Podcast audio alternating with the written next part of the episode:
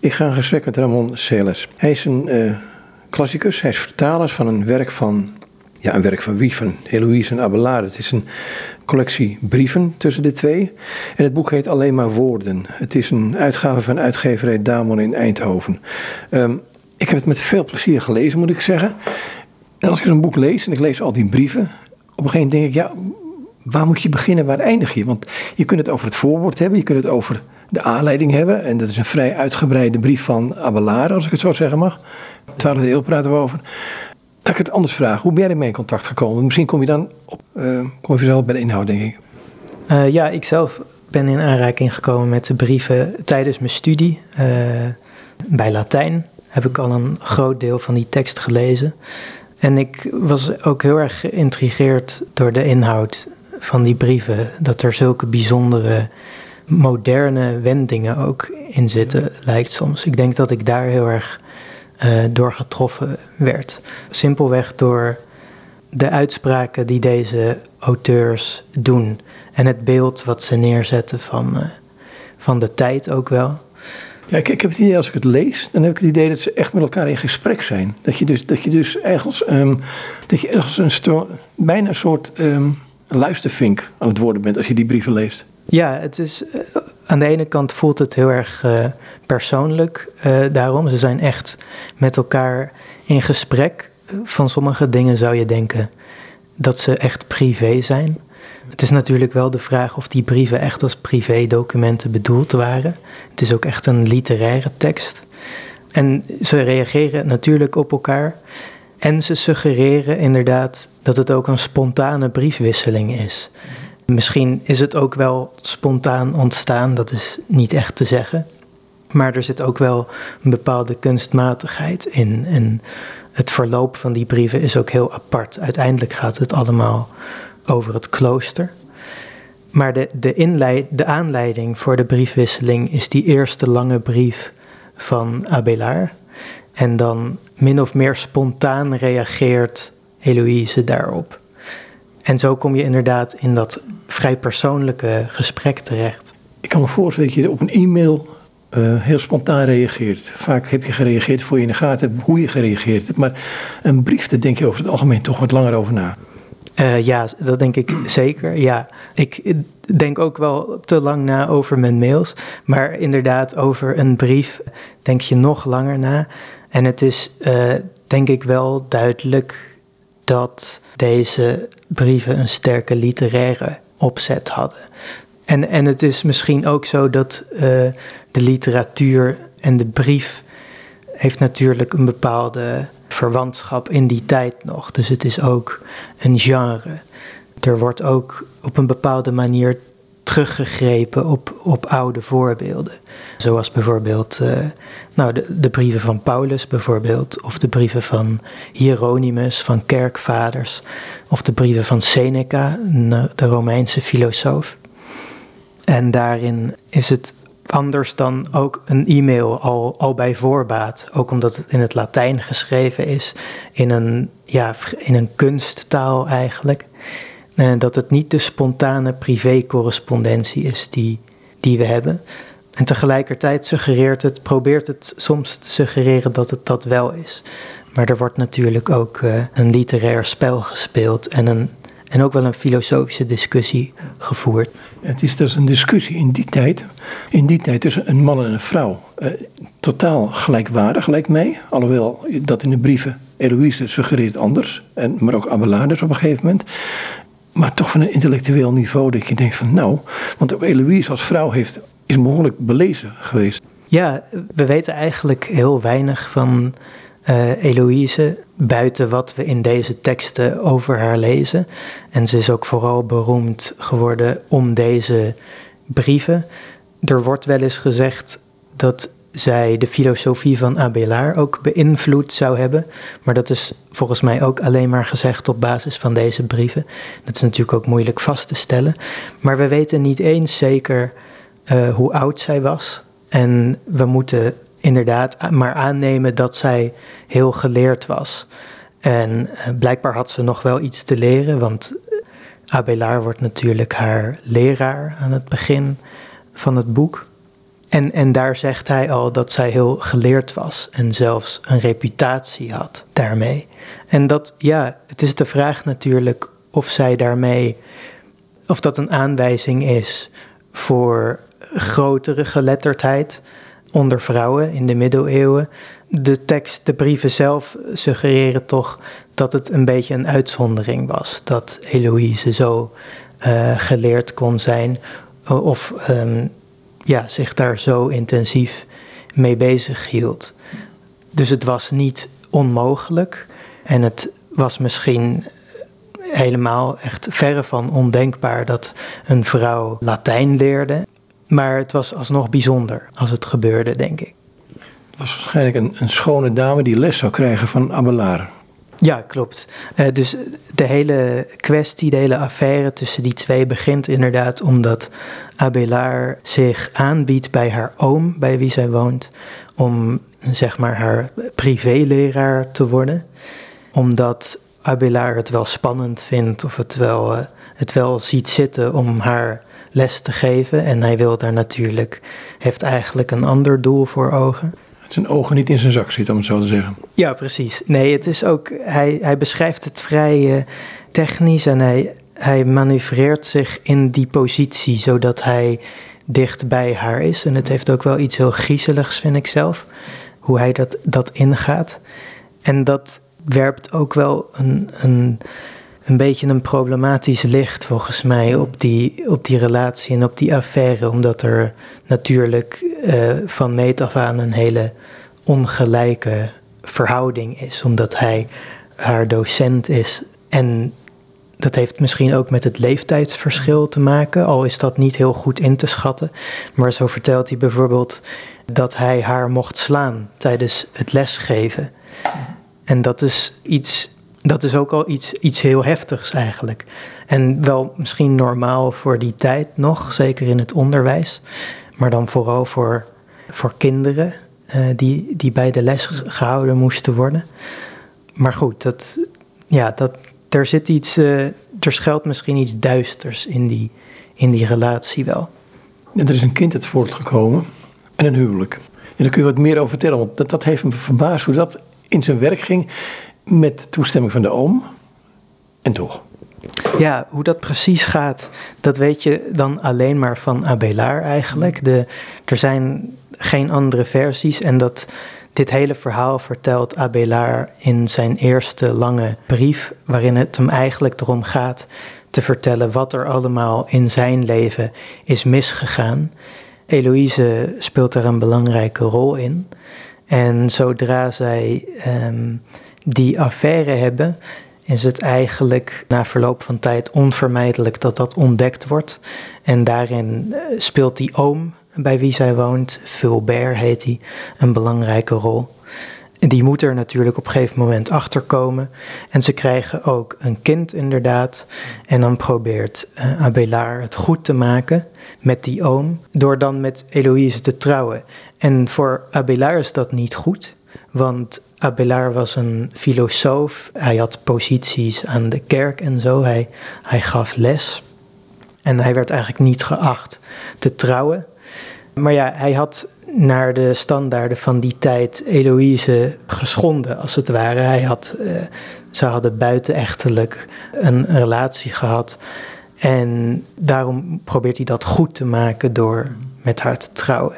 Zij is het daar helemaal niet mee eens. Dat is ook nog iets interessants in, dat, in het begin van dat hele verhaal, dat zij zich verzet heeft tegen dat huwelijk. Uiteindelijk heeft Abelard dat toch door kunnen drukken, dus dat zegt ook wel weer iets over de verhoudingen.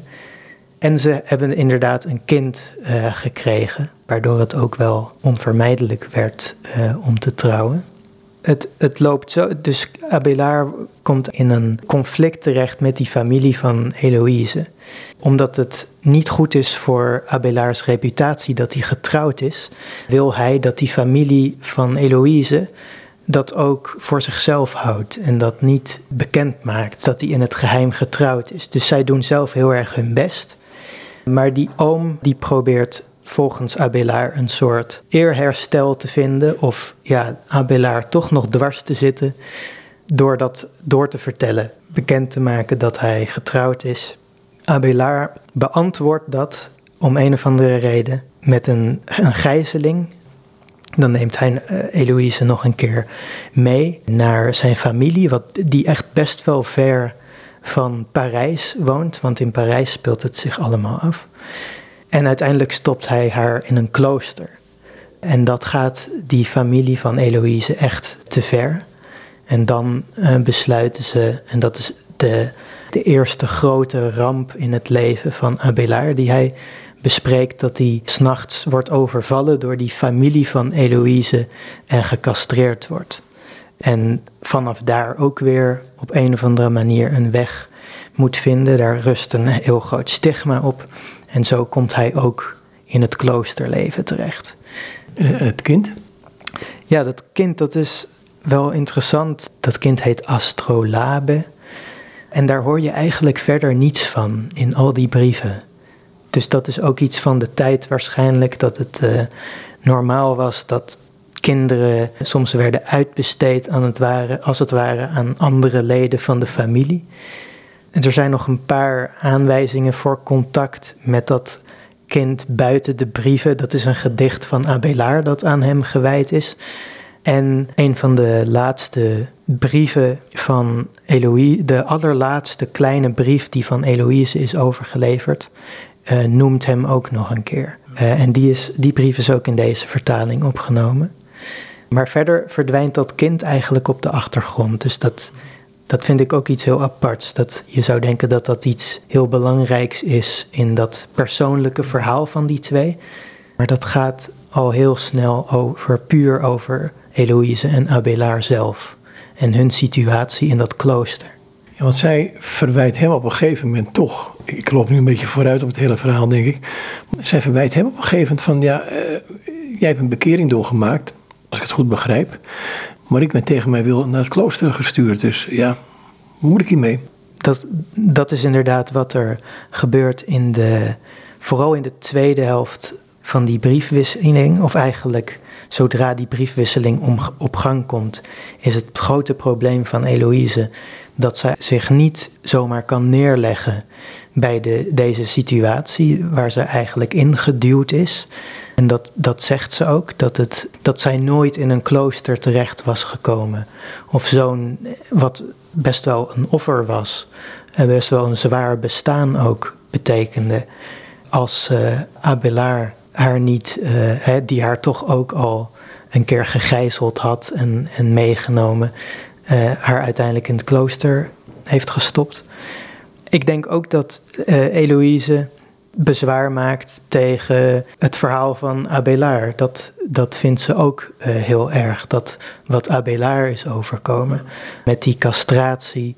Dus het onrecht gaat wel verder dan, dan dat zij in het klooster terecht is gekomen. Maar uiteindelijk is haar grootste probleem inderdaad wel hoe zorg ik ervoor, hoe kan ik als non leven als ik daar helemaal zelf niet voor gedreven ben. Het is een, toch een rol waar zij in gedwongen is en daar kan zij zich niet in vinden nog. Later wel, ze wordt zelfs abdis. En uit haar brieven, ook toen, uit die brieven die uit die tijd stammen, uh, zie je ook dat ze goed belezen was ook. Um, dus heeft niet stilgezeten.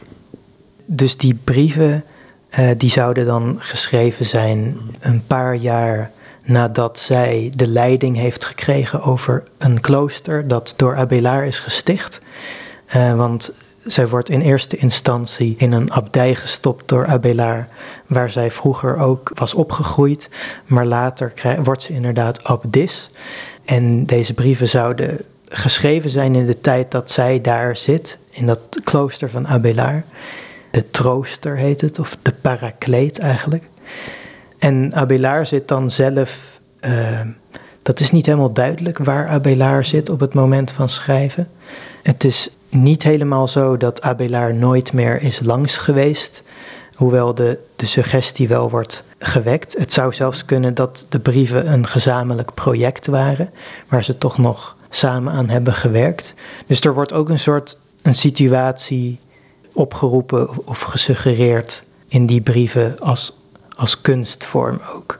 Het is ook heel waarschijnlijk dat ze met deze brieven iets gewild hebben voor dat nieuwe klooster waarover Eloïse de leiding had. Dat het ook het verhaal van dat klooster is, of althans het verhaal van de, de stichter ervan en het verhaal van de leidster ervan. Ik zal een stukje gewoon lezen uit hoe zij reageert op, maar het mag ook, we kunnen ook beginnen bij um, een stukje uit een brief van Abelardus, want zij is vrij direct in haar commentaar meteen. Dus wat je net zegt, misschien is het een project waar ze samen aan gezeten hebben. En, maar goed, er zit toch een gelijkwaardigheid in die twee. Het is niet een kwestie van de een die overtuigt de ander van zo moet het zijn. Uh, want zij heeft een weerwoord. Het is wel zo dat Abelard veel meer aan het woord is. Mm -hmm. Uh, dus dat is op zich wel interessant. Hij, hij begint ook de briefwisseling en hij sluit hem natuurlijk af. En het is ook Abelard die uiteindelijk in de laatste echt lange brief uiteen gaat zetten waar Heloïse voorbeelden zou kunnen vinden van een goed leven als vrouw in een klooster. En doet hij bepaalde voorschriften voor het leven als non. Tegelijkertijd maken die brieven van Heloïse misschien wel de meeste indruk, omdat die juist zo direct zijn en zo emotioneel ook. Ja, misschien, ik, ik ga nu van hot naar her, maar misschien naar die brief 6 gaan. Want um, hij heeft een regel voor vrouwen en, en ik vind het hilarisch wat ik daar lees. Want dan zegt zij onder andere van ja, het is een regel van Benedictus voor monniken en niet voor nonnen. Want hij heeft nauwelijks, jullie weten niet hoe een vrouw denkt, hoe een vrouw voelt, iets dergelijks. Ja, dan zal ik iets voorlezen uit. Dit is het begin van brief 6. Het is volgens mij een sleutelmoment in, uh, in de hele briefwisseling. Het begint uh, met aan hem die individueel de mijne is. En van haar die exclusief de jouwe is. En daarmee speelt ze al uh, met, de, met de soort van technische, logische taal van Abelard. Maar goed, het gaat eigenlijk om het echte begin van de brief. Het is natuurlijk niet de bedoeling dat ik je op wat voor punt dan ook aanleiding geef me van ongehoorzaamheid te beschuldigen. Ik doe wat je zegt en zet een rem op hoe ik me uitdruk en op ongeremd verdriet. Ik zal in mijn schrijven bepaalde dingen onderdrukken, dingen die ik moeilijk, nee onmogelijk binnen zou kunnen houden als we met elkaar zaten te praten in het echt. Er is niets waar je zo weinig controle over hebt als over je eigen gevoelens. Dat weet jij ook. Dat is, dat is heel erg deze tijd ook, hè? Dus er, er wordt hier echt iets, um, nou ja, iets onderdrukt. En dat is inderdaad uh, ook iets apart, iets moderns misschien. Het is ook zo dat Eloïse heel erg beïnvloed is door de Stoïsche filosofie, dus dat klinkt daar ook heel erg in door. Er is niets waar je zo weinig controle over hebt als over je eigen gevoelens. Dat weet jij ook. We zijn ze nooit echt de baas. Nee, zij regeren ons. Probeer emoties die van binnenuit opwellen, je overrompelen en eruit moeten maar eens weg te duwen. Het makkelijkst komen ze in woorden, het ultieme middel dat we hebben om over te brengen wat zich binnen in ons afspeelt. Waar het hart vol van is, daar loopt de mond van over. Ik zal erop letten dat de hand die mijn pen vasthoudt, gedachten overslaat die ik in een gesprek onmogelijk zou kunnen verzwijgen. Bij het schrijven heb ik die hand tenminste onder controle. Liet een hoofd vol verdriet zich maar net zo beheersen. Toch kun jij iets doen tegen mijn pijn, al zul je die nooit helemaal kunnen wegnemen. Zoals een vastgetimmerde spijker zich soms uit het hout laat forceren met een andere, zo moet ook een vastgeslagen gedachte kunnen worden verdrongen als je er een nieuw perspectief in hamert. Wil je met je hoofd met andere dingen bezig zijn, dan moet je eerdere gedachten wel loslaten of in ieder geval even kunnen vergeten. In hoeverre een gedachte, waar die ook over gaat, je bezighoudt en van andere gedachten afleidt, dat hangt helemaal af van je eigen oordeel over die gedachte. Hoe acceptabel is die? Verdient dit nu mijn aandacht? In die geest leek het me goed vanaf nu namens ons allemaal te spreken. Wij hebben namelijk als bediendes van Christus en als jouw dochters in Hem twee verzoeken voor je, waarvoor we op onze knieën gaan bij jou als Vader die verdienen voor ons nu de aandacht. En, en, gaat ze, je, kunt het kort vertellen, maar dan gaat ze door over uh, het ontstaan van uh, de non, om het zo te zeggen, en de vrouwelijke rol. En dan gaat ze op een gegeven moment een stukje verder op. Uh, zegt ze ja, op dit moment is er alleen de regel van de heilige Benedictus. Die in de Latijnse wereld door zowel vrouwen als mannen worden nageleefd. Maar het is een tekst die is puur voor mannen.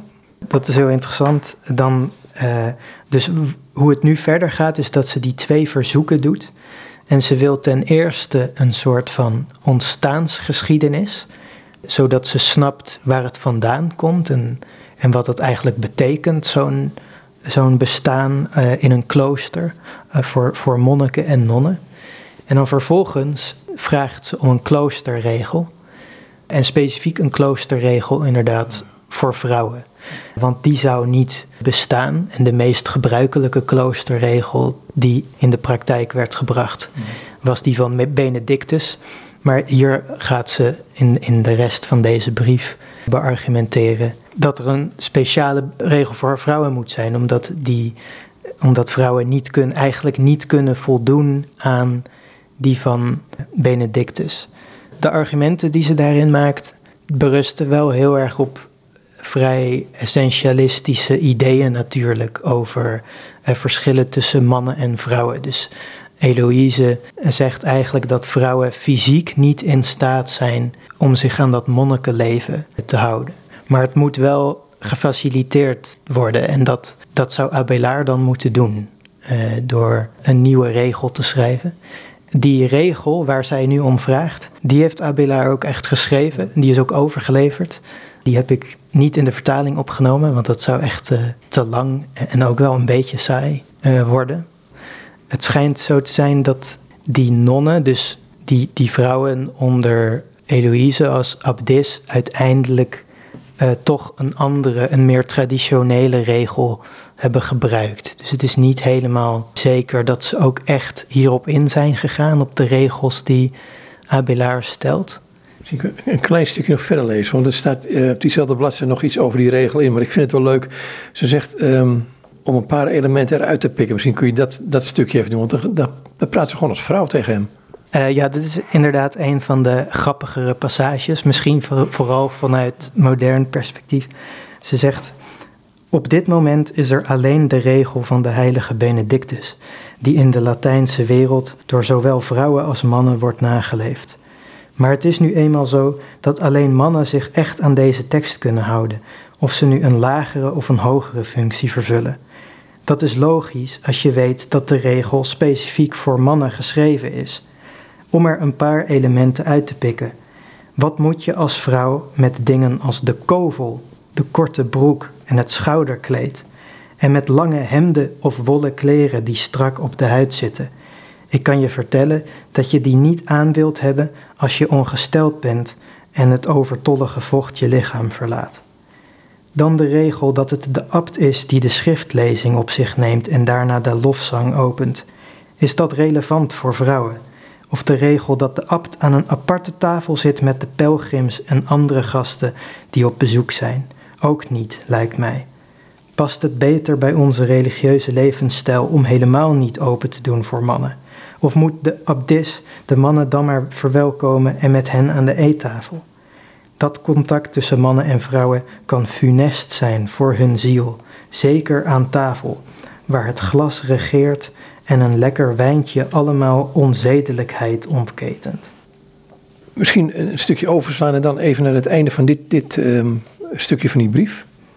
Zelfs als ik even voorbij ga aan alle regels van Benedictus waar wij vrouwen ons simpelweg niet aan kunnen houden, of de regels waar wij ons niet aan kunnen houden zonder daarbij het risico te lopen iets verkeerd te doen, heb je dan ooit gehoord van een nonnengemeenschap waar ze de deur uitgaan om de oogst binnen te halen en op het land te ploeteren?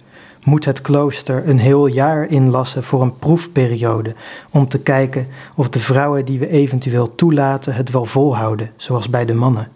Moeten we vrouwen, zoals de regel zelf voorschrijft, die tekst tot drie keer toelaten doorwerken om hun het nodige bij te brengen?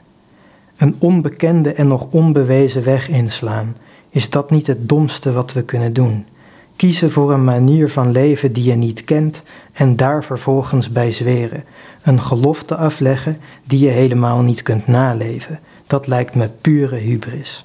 Getuig van wijsheid, denk ik.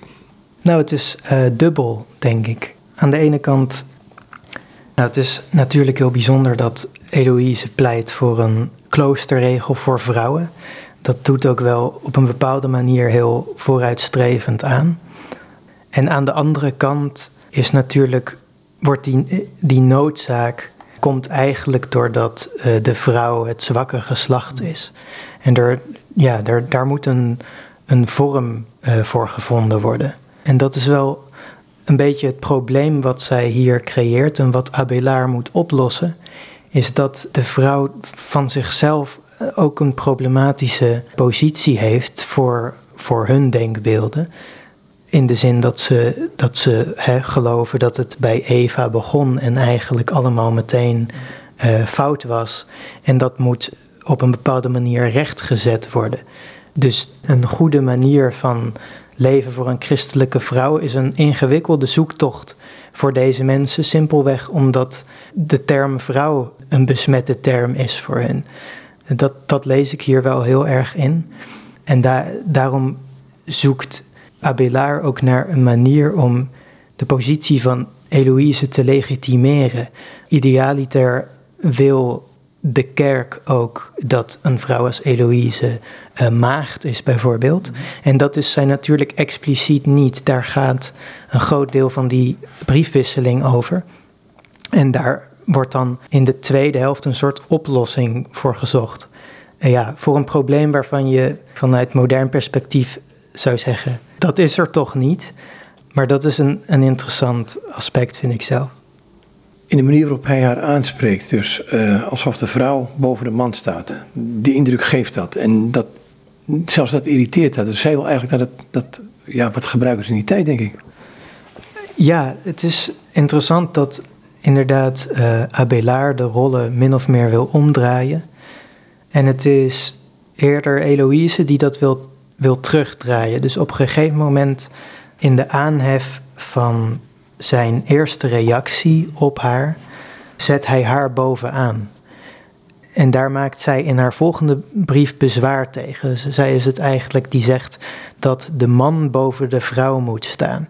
Het is dus ook best ja, schokkend om te lezen dat Eloïse in haar tweede brief aan Abelard heel erg ideeën vertegenwoordigt over de, minder, de minderwaardigheid van de vrouw. En haar terugbrengt tot uh, het, het slechtste wat vooral mannen ooit is overkomen. En dat zij in, in die tweede brief hele heftige uitspraken doet over vrouwen. En dat is ook een probleem waar ik net al naar verwees. Uh, met dat het voor het geloof begint bij Eva en daar eigenlijk misgaat. En het is inderdaad Abelard, dus het is de mannelijke stem die haar positie weer moet herstellen, die dat moet omdraaien en probeert te laten zien dat de vrouw op een bepaalde manier zelfs de man overtreft en zelfs een hele exclusieve relatie heeft ook tot God en tot uh, Christus in de Bijbel bijvoorbeeld.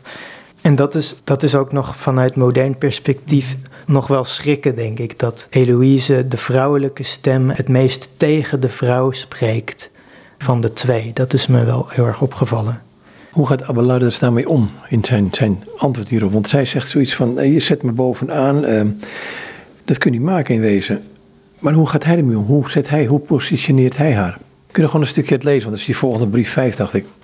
Hij reageert dus op de aanhef, op, op haar reactie op zijn aanhef. Om te beginnen met de volgorde van mijn aanhef, die volgens jou verkeerd om is. Volgens mij stemt de manier waarop ik die heb vormgegeven volstrekt overeen met je eigen inzicht hierover, als je erover nadenkt. Je wijst me op iets wat vanzelf spreekt. Natuurlijk, als je naar je meerdere schrijft, moeten de namen van je meerderen voorop. Maar het punt is, Eloïse, dat jij juist mijn meerdere bent geworden op het moment dat je de bruid van God werd. Dat moment veranderde jou namelijk in een hoogstaande vrouw, een dame van adel of een vrouwe, zoals Hieronymus uh, zuster Eustochium noemt. Dit is de reden uh, waarom ik je schrijf, vrouwe Eustochium. Ja, de bruid van de Heer moet ik vrouwen noemen. Je bent van man gewisseld en hebt daarmee goede zaken gedaan. Eerst was je de vrouw van een sterfelijke onbenul, maar nu ben je verheven tot een huwelijk met niemand minder dan de koning van de hemel. Dat is zo'n bevoorrechte positie dat je niet alleen ver boven je eerste man staat, maar boven alle mensen die als bediende onder de koning van de hemel staan. Het zou je dan ook niet moeten verbazen dat ik op de gebeden van jouw gemeenschap vertrouw. Echtgenotes hebben meer invloed bij de mannen die in huis de baas zijn dan het personeel. En een vrouw van stand krijgt meer voor elkaar dan een bediende. En dat wordt mooi gesymboliseerd door een treffend beeld van de koningin, de vrouw van de koning der koningen in de psalm. De koningin staat aan uw rechterzijde. Met andere woorden, zij staat onlosmakelijk aan zijn zijde en loopt met hem mee als zijn grootste vertrouweling, terwijl de rest van het huishouden op afstand moet blijven staan of mee moet hobbelen. Aparte benadering. Ja, het is ook interessant dat hij nog wel zegt de mannen die in huis de baas zijn. Mhm. Eh, maar het gaat hem erom dat op een of andere manier de vrouw uh, dichter bij God staat mhm. dan de man. Dus hij draait dat inderdaad helemaal om. En dat is een van de verrassende dingen van de briefwisseling, denk ik. Is dat het wordt omgedraaid. En ook dat de man dat doet. En ergens is dat ook eh, logisch. want mhm. in de middeleeuwen gold de mannelijke stem toch als meer legitimerend. Ik denk dat een middeleeuws lezer Eloïse gelezen zou hebben als de problematische tegenstem die overstemd moet worden. Of dat, dat zo kan het gelezen worden. Maar het blijft veelzeggend dat het een, een dialoog is. En dat ook die grote vraag van, van hoe Eloïse zich nu tot dat kloosterleven moet verhouden. En wat nou die positie van die vrouw precies is. Hoe dat, ehm, ja, dat blijft toch in de lucht hangen. Want zij, eh, na deze brief, waarin dus Abelard begint te rechtvaardigen dat zij de leiding heeft over dat klooster en dat zij een belangrijke positie heeft als vrouw. Daarna geeft Eloïse het eigenlijk op. Eh, daarna komt haar de opening van brief 6, waar zij zegt dat ze wat ze echt voelt zal onderdrukken om zich een beetje naar Abelards verhaal te schikken en, en te luisteren naar Abelard. En ze wil dan wil ze ook horen uh, wat dan een goed leven voor vrouwen is in een klooster. Heeft die stap nou gezet op een gegeven moment van... Hè, ik ben gedwongen het klooster in te gaan tot... dit is toch mijn manier van leven, dit is mijn roeping misschien zelfs. Ja, dus precies dat laatste, dat, dat blijft op een rare manier in het midden in deze briefwisseling.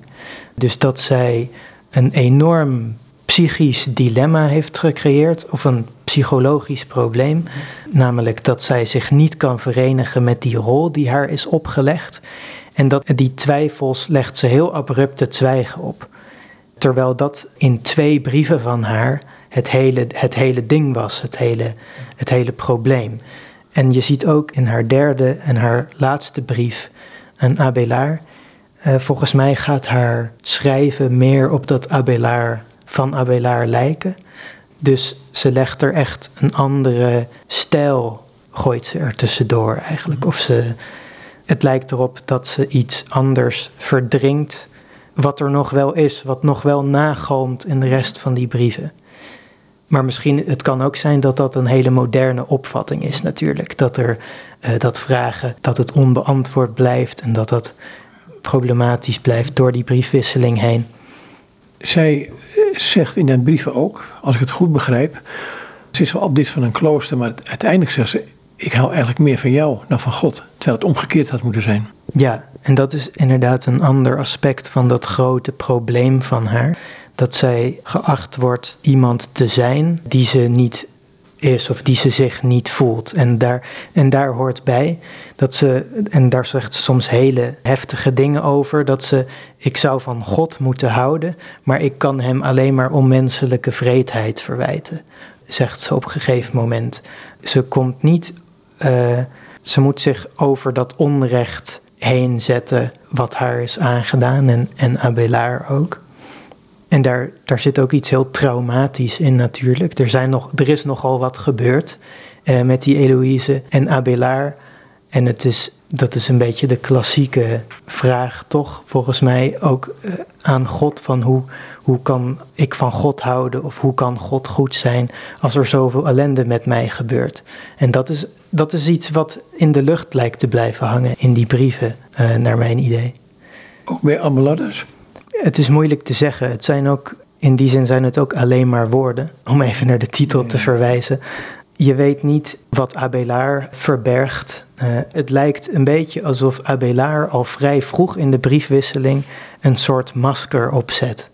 En hij probeert Eloïse vanuit de traditie, vanuit wat hij weet, vanuit allerlei bronnen ook, er wordt heel veel geciteerd, haar duidelijk te maken dat het klopt en dat het uh, goed is uh, wat hen is, is overkomen. Is er een vorm van fatalisme uit die tijd? Een idee wat wel heel erg speelt in de briefwisseling is uh, dat je je hebt te schikken naar de wil van God en het plan van God. Mhm. En zodra je daarin verzet komt, dat zegt hij aan het begin van zijn eerste brief. Zodra je daar in verzet, tegen in verzet komt, uh, stel je eigenlijk je eigen wil voorop. En de wil van God moet voorop staan. En wat ook wel hierin doorwerkt, is denk ik een aspect van stoïsche filosofie, uh, waarin ook alles gedetermineerd is of waarin alles moest gebeuren. En dat je je daarbij hebt neer te leggen. Maar het is natuurlijk maar de vraag of ze hier.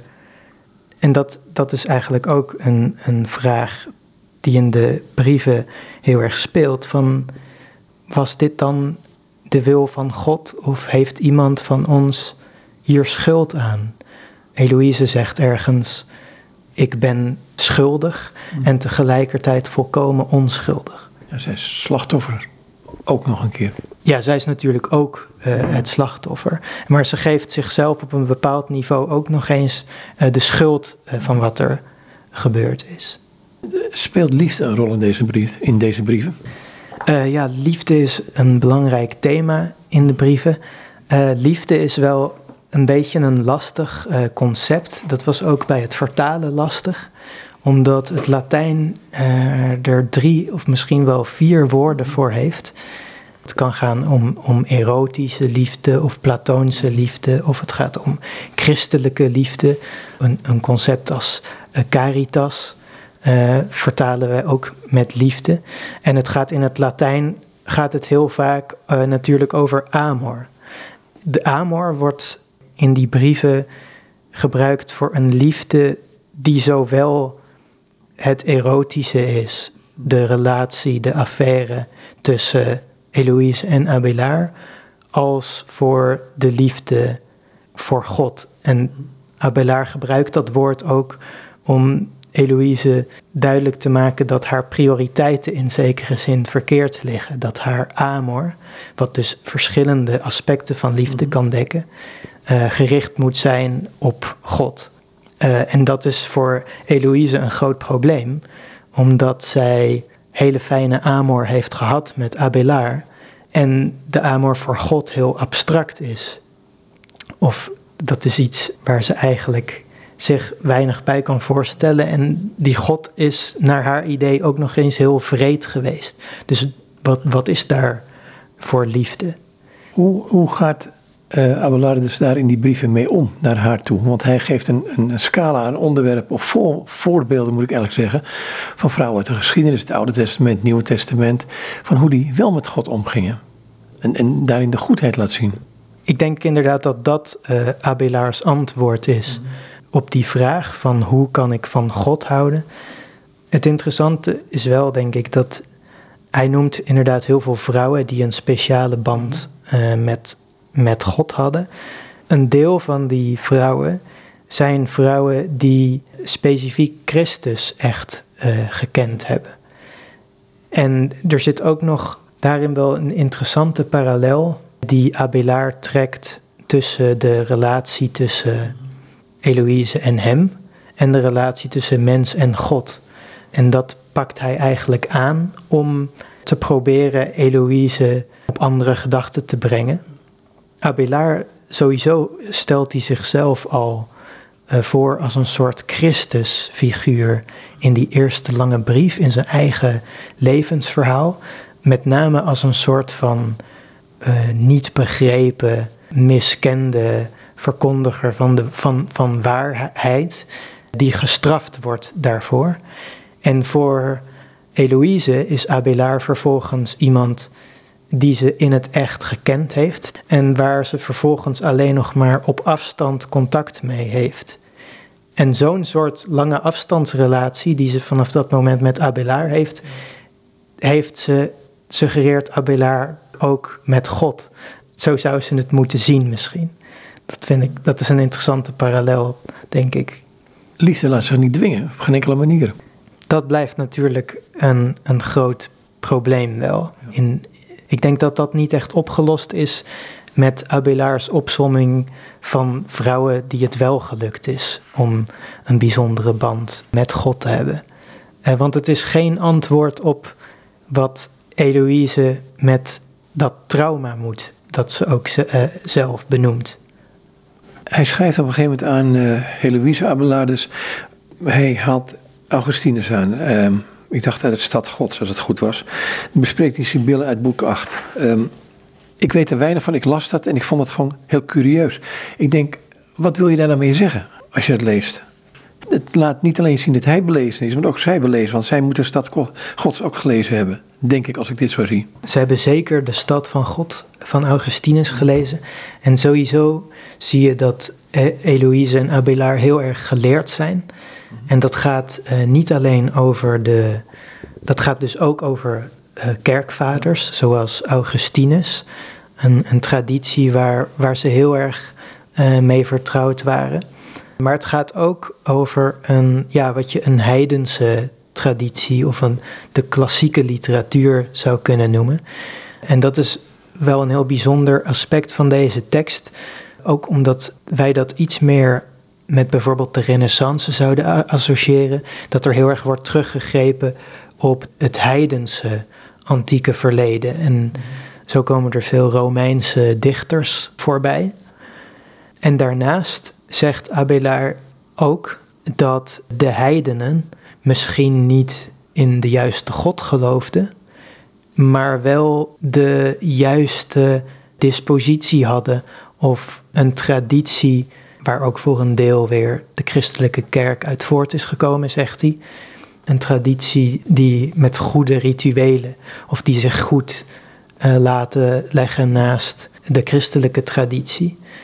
En het gaat hem er in die laatste brief bijvoorbeeld om dat er ook onder de heidenen uh, vrouwen waren die zich op een bijzondere manier tot het goddelijke verhielden. Al wisten ze dat goddelijke nog niet correct te benoemen of had zich dat nog niet openbaard. Uh, dus het gaat bijvoorbeeld over profetessen. En dat is ook, dat gebeurt volgens mij vaker in de middeleeuwen, dat profetieën, bijvoorbeeld de Sibyllen, dat is een tijd voor Christus. Ja, precies. De Sibyllen zijn vrouwelijke zieneressen, figuren van voor Christus, waarvan voorspellingen zijn overgeleverd. Het zijn uh, volgens mij Griekse en Latijnse hexameters. En die zijn in de middeleeuwen vaak dan weer christelijk geïnterpreteerd, dus als vooruitwijzingen naar Christus. En aangezien dat allemaal vrouwen waren, die Sibyllen, is dat weer een bijzonder voorbeeld voor Abelard en voor, voor Eloïse in die opsomming van, van vrouwen. Je kunt een stukje gewoon lezen zoals het hier staat. Dit komt uit de stad Gods van Augustinus. Ja, dit is dus een passage uit uh, de stad van God van Augustinus. Die zegt, meestal beweert men dat dit de periode was waarin de Sibylle van Erythrae haar uitspraken zou hebben gedaan. Maar volgens sommigen was het de Sibylle van Cumae. We hebben 27 versen van haar die ooit in het Latijn zijn vertaald. Ze luiden als volgt. En dan komt die voorspelling van de Sibylle. Je weet dat het oordeel komt als het zweet uit de aarde welt. Een koning zal van boven komen om altijd te blijven. Zijn vlees geworden verschijning zal oordelen over de wereld, etc. En dan zegt Augustinus, De beginletters van deze verse vormen samen van boven naar beneden de woorden Jezus Christus, Verlosser, Zoon van God. Ook Lactantius geeft een aantal voorspellingen van de Sibyllen. Later zal hij in handen komen van ongelovigen, zegt Lactantius. Ze zullen hem met hun verziekte vuisten de ene klap na de andere geven. Ze zullen vanuit hun gore bekken hun gif en hun gal naar hem spugen. Hij zal zich vrijwillig verlagen en zijn heilige rug aan de zweep overleveren. Zonder een woord te zeggen zal hij de slagen over zich heen laten komen. Zo weet niemand dat hij, het woord, gekomen is of waar hij eigenlijk vandaan komt. Hij zal zijn mond pas open doen voor de mensen in de hel en een doornenkroon dragen. Ze zullen hem gal te eten geven en azijn tegen de dorst. Dat is het kille maal waarmee ze hem op aarde zullen onthalen. Wat zijn jullie een dom volk dat zijn eigen God niet herkent? Het was God en hij ging totaal aan de blinde bekrompenheid van stervelingen voorbij. Jullie hebben hem een doornenkroon opgedaan en hem een glas gal te drinken gegeven. Het tempelgordijn zal in tweeën scheuren en midden op de dag zal het drie uur lang nacht zijn. Hij zal sterven, te rust te gaan en na drie dagen de hel weer verlaten om opnieuw aan het daglicht te verschijnen. Hij staat aan het begin van de wederopstanding de eerste die weer zichtbaar wordt. Maar het is duidelijk, eh, vooral hoe verder die briefwisseling vordert, hoe meer ze gaan citeren. En het wordt echt overal uh, vandaan gehaald. Dus het is het ene, dus het wordt ook steeds langer, die citaten. Er worden heel veel bronnen bijgehaald, omdat dat idee van Abelard te legitimeren eigenlijk, dat, dat vrouwen een, een uitzonderingspositie hebben en een bijzondere band met het goddelijke in allerlei verschillende contexten in de geschiedenis. Een van de dingen die mij altijd verbaast in, als, ik, als ik de Bijbel lees, uh, dat de vrouw de heerlijkheid van de man is. En, en dat komt toch wel dicht overeen met wat Abelardus probeert te zeggen tegen Eloïse. Ja, nou, de Bijbel is natuurlijk ook een belangrijke uh, bron voor ze. Mm. Um, je ziet wel dat Eloïse en Abelard zowel negatieve uitspraken over vrouwen uit de Bijbel halen als positieve. Het is allebei te vinden natuurlijk. Uh, dus waar Eloïse een hele lijst van moordende uitspraken over vrouwen uit de Bijbel weet op te sommen, uh, komt Abelard juist met allemaal positieve voorbeelden uit hetzelfde wat voor hun ik weet niet of, het echt al, of je al van de Bijbel kunt spreken als een eenheid, maar wat toch het, de, de heilige teksten waren. Dus min of meer dezelfde bronnen. Dus ze voeren ook heel erg die discussie rond teksten en natuurlijk met de Bijbel als heel centrale tekst. Het idee dat ik, als ik jou zo spreek over die brieven, dat, zij, um, dat hij er een heleboel bij had, zij ook. En eigenlijk die kernvraag steeds laten liggen. En die brief 8 vind ik een afsluiting, maar ook weer niet. Op de een of andere manier heb ik het idee dat hij er een beetje. Ehm, misschien moet je het einde even lezen in het kort. Ik doe een selectieve greep met bestaande bloemen. Even uitleggen wat hij daar doet. Ja, dus helemaal aan het eind van de briefwisseling, dan kondigt Abelard zijn kloosterregel aan. Mhm. Zijn laatste lange brief was eigenlijk een soort prelude daarop. Uh, daar geeft hij wat eerste ideeën. Uh, maar helemaal aan het eind eh, wil hij natuurlijk ingaan op dat verzoek van Eloïse. Uh, Eloïse heeft twee verzoeken gedaan. En dat, het eerste heeft hij ingelost. Dat was het beschrijven van de geschiedenis van het kloosterleven. Of een soort van de historische basis daarvoor. En wat eigenlijk de band is tussen vrouwen en, en God. En nu moet die kloosterregel er komen. Ja, het is heel interessant dat hij daarmee eindigt. Uh, maar goed, misschien was dat ook wel het, het hele doel van de briefwisseling. Het, het leidt allemaal uiteindelijk naar, dat, naar die kloosterregel toe, die ook in een van de manuscripten daaraan vast is geplakt, die er ook bij hoort. En je kunt dat als geheel lezen. En dan kun je je inderdaad afvragen of daarmee, of dat een goed einde is uh, van de briefwisseling. Want er is wel een soort happy ending. Uh, dat hij een soort van optimistisch beeld schetst van ik ga een, uh, op basis van bestaande teksten ga ik een kloosterregel kunnen afleveren die voor een goed leven zorgt in een klooster voor vrouwen. En je kunt je natuurlijk afvragen of dat een oplossing is voor het probleem.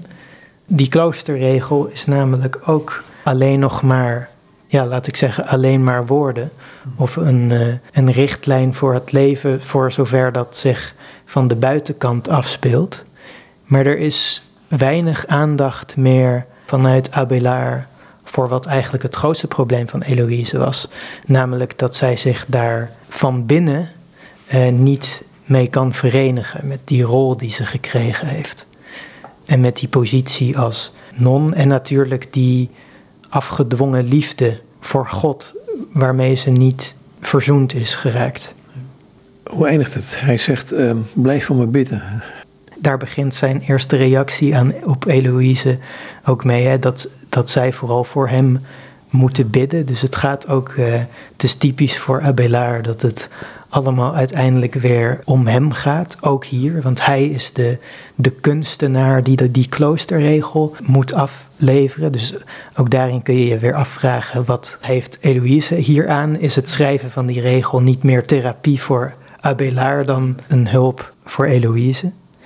Maar er zit toch ook een optimistische noot in natuurlijk. Waar die mee eindigt is, in het kort zegt hij, ik doe een selectieve greep uit bestaande bloemen.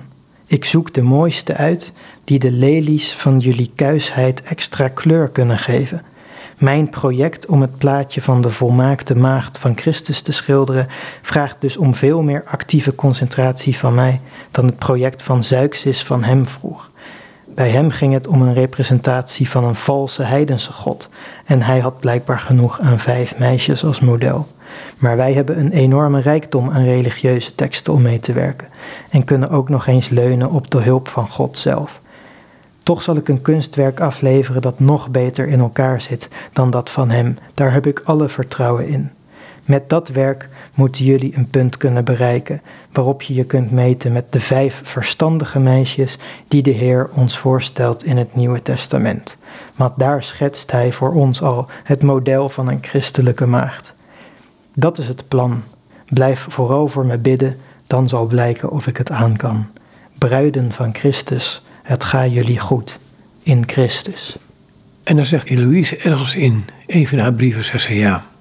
Abelard, het is allemaal mooi en aardig wat je zegt. Hele mooie beschouwingen en het klopt allemaal waarschijnlijk tot op het puntje.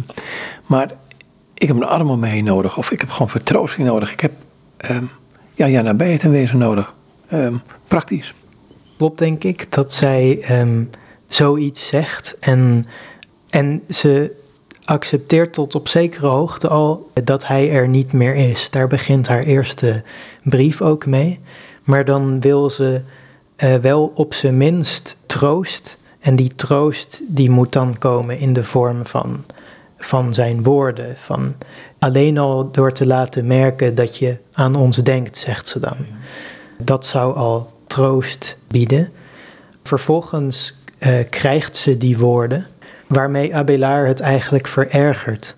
Dus het ging haar, zij vroeg om zijn woorden, dat hij zou schrijven. En dat doet hij ook.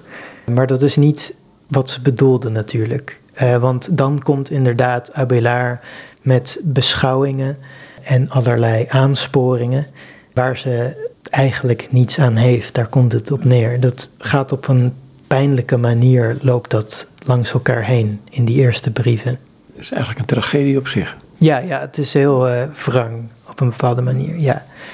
Wat hebben deze brieven jou gegeven, het vertalen ervan? dat lijkt me geen makkelijk project geweest te zijn. Nee, nou, ik vond het vooral heel mooi uh, om te doen. Echt een heel mooi project.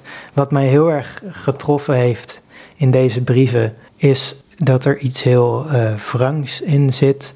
En ook echt dat er in die psychologie, met name van Eloïse, hoe ze die hebben weergegeven, dat ik dat echt uh, krachtig vind. Het is psychologisch heel sterk en ook soms bijna modern. En bij het vertalen heb ik ook wel geprobeerd om het uh, zo modern mogelijk te doen, om dat over te laten komen. Ja, dus dat heeft me heel erg getroffen. En natuurlijk, wat mij fascineert, is dat er een probleem wordt opgeworpen. Dat wordt vervolgens in een dialoogvorm uitgewerkt. En zoals dat vaak gaat in dialoogvormen, is er vervolgens niet één helder sluitend antwoord. En blijft er zelfs nog iets in de lucht hangen. als ik aan Eloïse denk, dan moet ik ook een beetje aan de psalmen denken. Er wordt van alles naar God gezegd. Als ik aan alle bellardes denk, denk ik, ja, je weet een mooi plaatje niet te zetten, maar toch. Ja, in die zin is het gewoon zo dat Abelard natuurlijk vanaf zijn eerste reactie reageert hij met veel citaten. Maar we hebben al gezien dat, dat één bijbelcitaat het andere kan tegenspreken. En je krijgt bijna het idee door al die citaten dat Abelard niet zijn eigen taal spreekt, maar meteen in een soort bijbelse taal begint te spreken, waar Eloïse iets heel directs lijkt te hebben. Iets wat uh, veel minder uit een, een geleende taal lijkt. En Eloïse heeft ook wel haar literaire modellen, maar die komen uit een andere sfeer. Eloïse is bijvoorbeeld heel erg beïnvloed door de Romeinse dichter Ovidius. Uh, daar speel, speelt uh, vrouwenheroïek een rol. Maar dit is dus iets heel anders dan dat van Abelard. En ik denk inderdaad dat die ook kortere en krachtigere brieven van Eloïse je meer treffen uh, daardoor. Ja, ze zegt iets tegen je en niet, ze schildert niet een mooi plaatje waar je maar denkt, ja, het zal. Ja, ja, en dat mooie plaatje dat wordt dus ook heel nadrukkelijk geschilderd op basis van andere teksten. Het komt ergens anders vandaan. Ja. Ik was hier belaten, dankjewel. Heel erg bedankt. Goed, en dit zei Ramon Celes en met hem was ik in gesprek over alleen maar woorden, brieven van Heloïse en Abelard.